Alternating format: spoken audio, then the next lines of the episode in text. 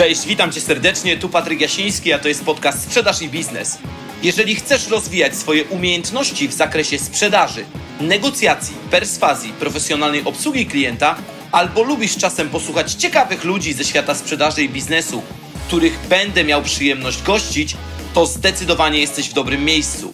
Więc jak to mówi Andrzej Twarowski, siadamy głęboko w fotelach, zapinamy pasy i startujemy. Odcinek 10.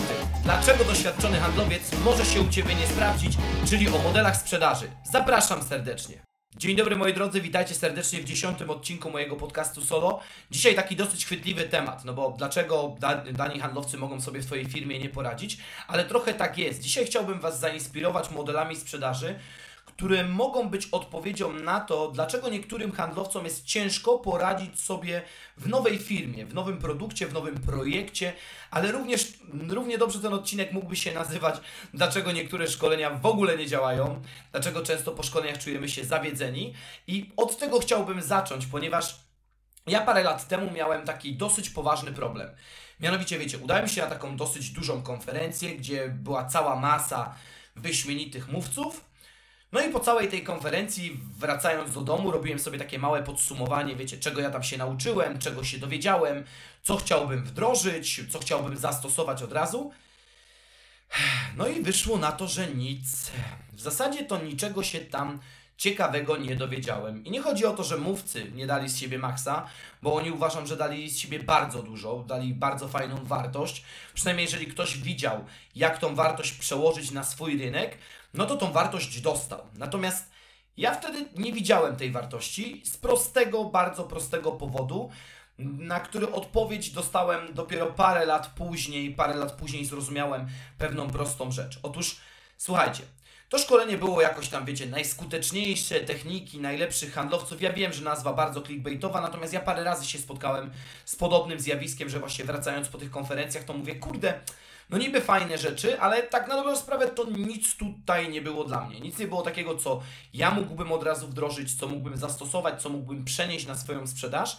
I zacząłem się dosyć poważnie zastanawiać, dlaczego tak jest. I z pomocą, z odpowiedzią przyszedł mi parę lat później e, Jacek Wolniewicz, którego bardzo serdecznie pozdrawiam z tego miejsca, nie mylić z Walkiewiczem, gdzie robiąc kurs e, Jacka, jeden z kursów oczywiście, natknąłem się na właśnie dwa modele sprzedaży i słuchając tego, oglądając to, ćwicząc to, mówię, kurde, to jest fenomenalne, ja sobie nigdy wcześniej nie zdawałem z tego sprawy. Otóż Sprzedaż możemy podzielić w zasadzie na takie dwa modele, czyli na model transakcyjny i na model doradczo-konsultacyjny, chociaż ja wyznaję zasadę, że na rynku jest też trzeci model, który ja no, nie mam jakiejś roboczo nazwy na to, dlatego nazwałem go po prostu modelem nowoczesnym, ale o tym opowiem Wam na samym końcu. I te modele można przyrównać do takiego klasycznego podziału handlowców na handlowców tak zwanych farmerów i handlowców hunterów. Jeżeli kiedykolwiek słyszeliście ten podział, to pewnie wiecie o co chodzi, natomiast dla tych, którzy nie wiedzą, to ja tak bardzo króciutko streszczę, czym jest ten podział. Otóż sprzedawca Hunter to jest, jak sama nazwa wskazuje, taki wiecie, myśliwy.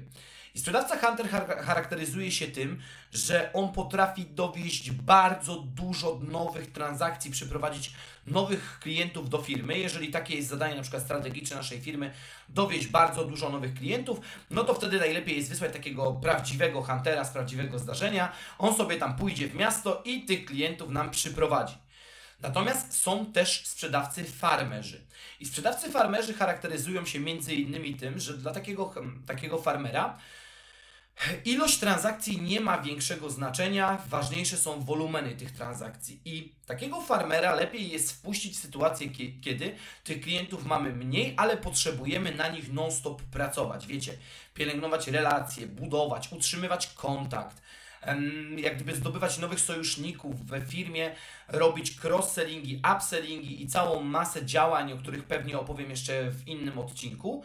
Natomiast wtedy bardziej przyda nam się farmer, czyli ten, który będzie pielęgnował naszych klientów, będzie dbał o tą obsługę posprzedażową, o to, żeby ten klient zawsze był dopieszczony, zawsze był na miejscu, kiedy jest potrzebny, a w innym wypadku, kiedy potrzebujemy tych więcej transakcji, ale najczęściej o niższym wolumenie, potrzebujemy pozyskać dużo większą ilość klientów, no to potrzebny nam jest hunter. Hunter pójdzie w miasto i załatwi, nie? To oczywiście to pójdzie w miasto jest takim dużo, dużym uproszczeniem, dlatego że obojętnie, czy to będzie przez telefon, czy będzie to sprzedaż face to face, czy będzie to sprzedaż e, również jakaś na przykład marketingowa, gdzie musimy tych klientów przeprowadzić przez jakiś lejek, no to wtedy jest nam dużo łatwiej zastosować właśnie huntera.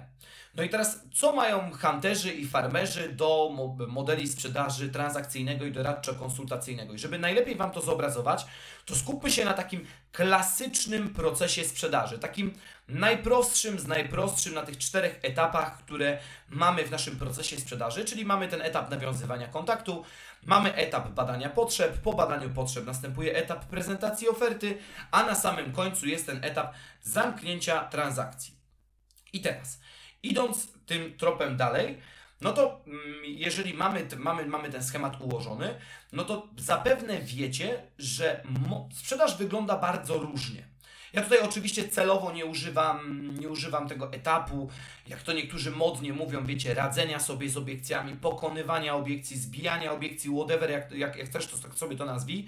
Natomiast często można spotkać się z tym, że po etapie prezentacji oferty następuje etap Y, zbijania obiekcji. No i teraz tak na dobrą sprawę, jak tak nastawiamy naszych handlowców, no to oni są przygotowani na to, że te obiekcje tam na 100% tam muszą być, przez to nie finalizują sprzedaży. Ja trochę na przekór mówię, że obiekcje mogą pojawić się przez całą rozmowę handlową, przez cały ten proces sprzedaży mogą pojawić się obiekcje, zarówno od momentu nawiązywania kontaktu, gdzie klient może mieć jakieś tam zmylenia, albo może mieć jakieś celowe zagrywki, którymi chce nas odciągnąć od procesu albo przekształcić nasz proces do, samego, do samej finalizacji sprzedaży, do zamknięcia sprzedaży, gdzie również na etapie na przykład podsumowywania zakupu, ja jeszcze zrobię osobne nagranie o tym całym procesie, na etapie podsumowywania zakupu klient nagle stwierdza, że a wie pan co, nie, jednak ja nie mam na to budżetu. Więc ja nie będę nikogo nastawiał na to, że obiekcje muszą pojawić się po etapie prezentacji oferty, bo to jest moim zdaniem trochę pierdoła. No i teraz jak mamy, mamy te dwa modele, czyli ten doradczo-konsultacyjny i transakcyjny, to można to przyrównać, do, można to dać tak w zasadzie procentowo. Jak to wygląda? Czyli jeżeli pracujesz w modelu transakcyjnym, gdzie te, ten wolumen sprzedaży jest niższy, te kontrakty są dużo niższe, ja mówię, że w modelu transakcyjnym danemu klientowi sprzedajesz tylko raz to gdyby tak procentowo przyznać wagę każdemu z tych etapów procesu sprzedaży, no to nawiązywanie kontaktu to jest 10%, badanie potrzeb 20%, 30% to prezentacja oferty, a 40% to zamknięcie sprzedaży. I to był taki klasyczny model sprzedaży chociażby usług telefonii komórkowej, usług dostawców internetu, e, energię elektryczną. To jest klasyczny model sprzedaży transakcyjnej, gdzie z danym klientem praktycznie nawiązujemy transakcję tylko raz. Temu klientowi w zasadzie sprzedajemy tylko raz, no tam wiadomo, po jakimś czasie możemy mu sprzedać ponownie, jeżeli trzeba go utrzymać, ale to jest taki klasyczny model. Natomiast w modelu doradczo-konsultacyjnym my jesteśmy bardziej dostawcą niż sprzedawcą dla naszego klienta.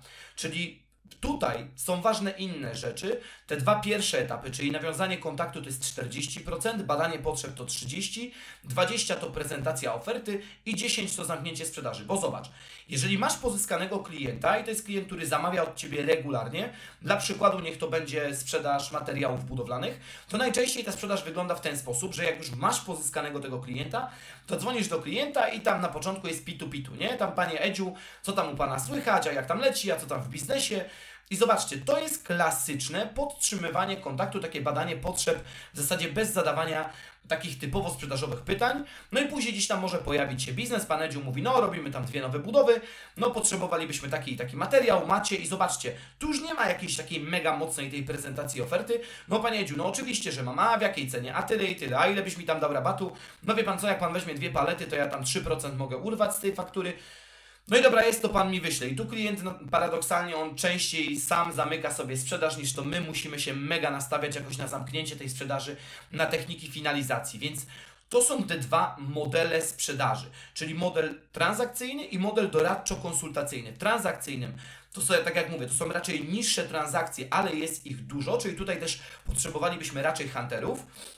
Natomiast w modelu doradczo-konsultacyjnym tych sprzedaży jest mniej, ale klient jest, my jesteśmy dostawcą danego klienta, czyli my odpowiadamy za to, żeby danemu klientowi dany towar dostarczać. I tyle. Ja też mówię, że na rynku jest taki model nowoczesny, właśnie o którym wspominałem, no bo Teraz we współczesnej sprzedaży można spotkać się z tym, że paradoksalnie nie jesteś w stanie sprzedać klientowi w trakcie jednej rozmowy, tak jak w modelu transakcyjnym. No bo często jest tak, dla przykładu, tak spółka, z którą pracowałem, gdzie sprzedawaliśmy znaki towarowe, no to my nie mogliśmy sprzedać klientowi na raz, ponieważ pierwsza nasza rozmowa to była, wiecie, Panie Edziu, a co tam Pan potrzebuje, a co to jest, a jaki to jest znak, a na Polskę, na Europę i tak dalej, i tak dalej. I dopiero my musieliśmy wykonać jakieś działanie dla klienta. Tutaj akurat była to weryfikacja e, znaku towarowego, czy go można zastrzec, jaka tam będzie klasa nicejska i tak dalej, i tak dalej. I dopiero później my wracaliśmy do klienta z odpowiedzią. Czyli nie był to taki klasyczny model transakcyjny, ale też nie był to klasyczny doradczo-konsultacyjny, bo ten klient od nas bardzo często kupował tylko raz. I dlatego ja nazywam to modelem nowoczesnym, bo to jest taki trochę inny model. On nie jest tak prosty jak model transakcyjny, prosty oczywiście w swoich założeniach, no bo ja nie mówię, że transakcyjny sprzedaje się łatwo. Chociaż ja dużo lepiej czuję się w takim modelu, Mm, I też nie, nie twierdzę, że on jest dużo trudniejszy, na przykład od doradczo-konsultacyjnego, albo że doradczo-konsultacyjny jest e, dużo trudniejszy. Tam na pewno jest ciężej pozyskać klienta, no bo sam ten czas, sam wysiłek włożony bardzo często w pozyskanie klienta po to, żebyśmy w ogóle mogli do klienta wejść z naszą propozycją, jest dużo dłuższy. Natomiast Później, kiedy już mamy tego klienta, to my się nie skupiamy tak mocno na sprzedaży, a skupiamy się na właśnie pielęgnowaniu relacji z klientem. I to jest odpowiedź na to, dlaczego niektóre szkolenia są czasami nieskuteczne. Ponieważ ja wtedy wracając z tamtego szkolenia, o którym Wam powiedziałem, miałem taki niedosyt. Mówię, no kurde, fajne rzeczy, ale tak paradoksalnie to one nie są dla mnie. Dlaczego? Bo ja sprzedawałem wtedy bardzo proste produkty i usługi. Pracowałem w modelu transakcyjnym, sam byłem typowym hunterem, zresztą chyba do dzisiaj nim jestem. I dbałem o to, żeby tych transakcji było dużo. A tam wiecie, tam było bardzo dużo skupienia się na budowaniu relacji, na pozyskiwaniu, nie wiem, sojuszników w firmie klienta i tak dalej, i tak dalej, na dochodzenie do decydentów, co dla mnie wtedy nie było totalnie potrzebne. I w drugą stronę, gdybym wtedy pracował w trybie doradczo-konsultacyjnym, a mówiliby mi, wiecie, o technikach finalizacji sprzedaży, o tym, jak prezentować oferty, żeby ten klient chciał tu, teraz, w tym momencie, koniec, kropka, tylko niska transakcja, to również w drugą stronę mógłbym poczuć się niezadowolony. I to jest odpowiedź na pytanie, dlaczego niektórzy handlowcy mogą sobie nie poradzić w swojej firmie, nawet bardzo doświadczeni. Dlatego, że zobacz, jeżeli bierzesz typowego farmera do firmy, która zajmuje się stricte sprzedażą transakcyjną, on ma robić dużo transakcji, często o niższym wolumenie, a jest przyzwyczajony właśnie do tych wszystkich takich klasycznych rzeczy związanych z trybem doradczo-konsultacyjnym, czyli właśnie, żeby budować relacje, żeby często ten proces był trochę dłuższy, żeby ten klient był lepiej zaopiekowany, to on wtedy może sobie nie poradzić. Z drugiej strony, jeżeli wrzucisz typowego huntera, który jest hunterem, jest odpowiedzialny za to, żeby dowozić jak najwięcej klientów do Twojej firmy, a wrzucisz go w model doradczo-konsultacyjny, gdzie wiecie, gdzie on będzie musiał pielęgnować relacje, gdzie będzie musiał często rozmawiać z tym klientem, gdzie sporo czasu będzie zajmowała mu obsługa posprzedażowa, to on również może nie czuć się w tym modelu dobrze.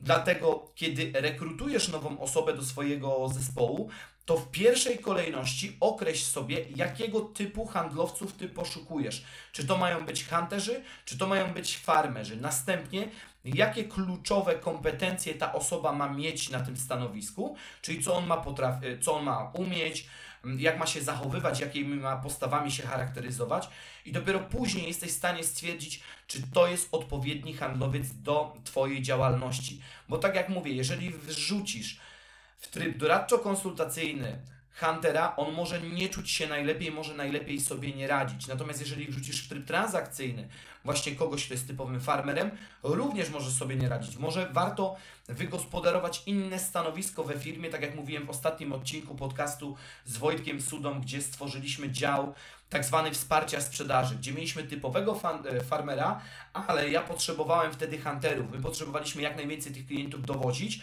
i jak znalazłem farmera, to wrzuciłem go jako dział wsparcia sprzedaży i to była osoba, która pomagała nam, wspierała nas we wszystkich procesach związanych właśnie z naszą sprzedażą.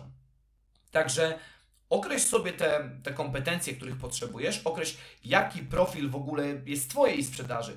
Co tak na dobrą sprawę sprzedaje Twoja firma, czyli jeżeli sprzedajesz o niższym wolumenie więcej transakcji, po prostu mielisz tych klientów więcej. Tutaj, tak jak mówię, przykładem może być energia elektryczna, e, dostawcy usług komórkowych, czy to usług internetowych i tak dalej, i tak dalej, to wtedy potrzebujesz huntera. Natomiast jeżeli sprzedajesz, właśnie jesteś dostawcą klienta, na przykład niech to będą usługi poligraficzne i chcesz wejść do klienta jako ich stały dostawca, mogą to być też usługi szkoleniowe, kiedy realizujesz z klientami jakieś procesy rozwojowe, wtedy potrzebujesz zdecydowanie bardziej farmera. Także z tą myślą Was zostawiam. Mam nadzieję, że ten odcinek w jakikolwiek sposób Was zainspirował właśnie do tego, dlaczego czasami dani handlowcy, mimo że są dobrzy, to się nie sprawdzają w danych firmach, albo dlaczego niektóre szkolenia nie przynoszą nam zamierzonego efektu.